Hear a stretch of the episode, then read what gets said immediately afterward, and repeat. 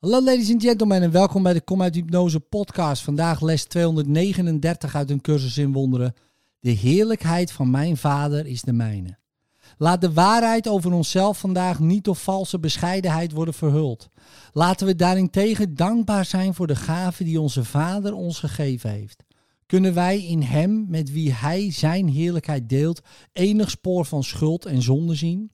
En kan het zijn dat wij niet één van hen zijn, wanneer Hij zijn Zoon voor eeuwig en met volmaakte constantheid lief heeft, weten dat Hij is zoals Hij hem geschapen heeft? Wij danken u, Vader, voor het licht dat eeuwig in ons schijnt en we eren het, omdat u het met ons deelt. Wij zijn één, verenigd in dit licht en één met u, in vrede met heel de schepping en met onszelf. In liefde, tot morgen.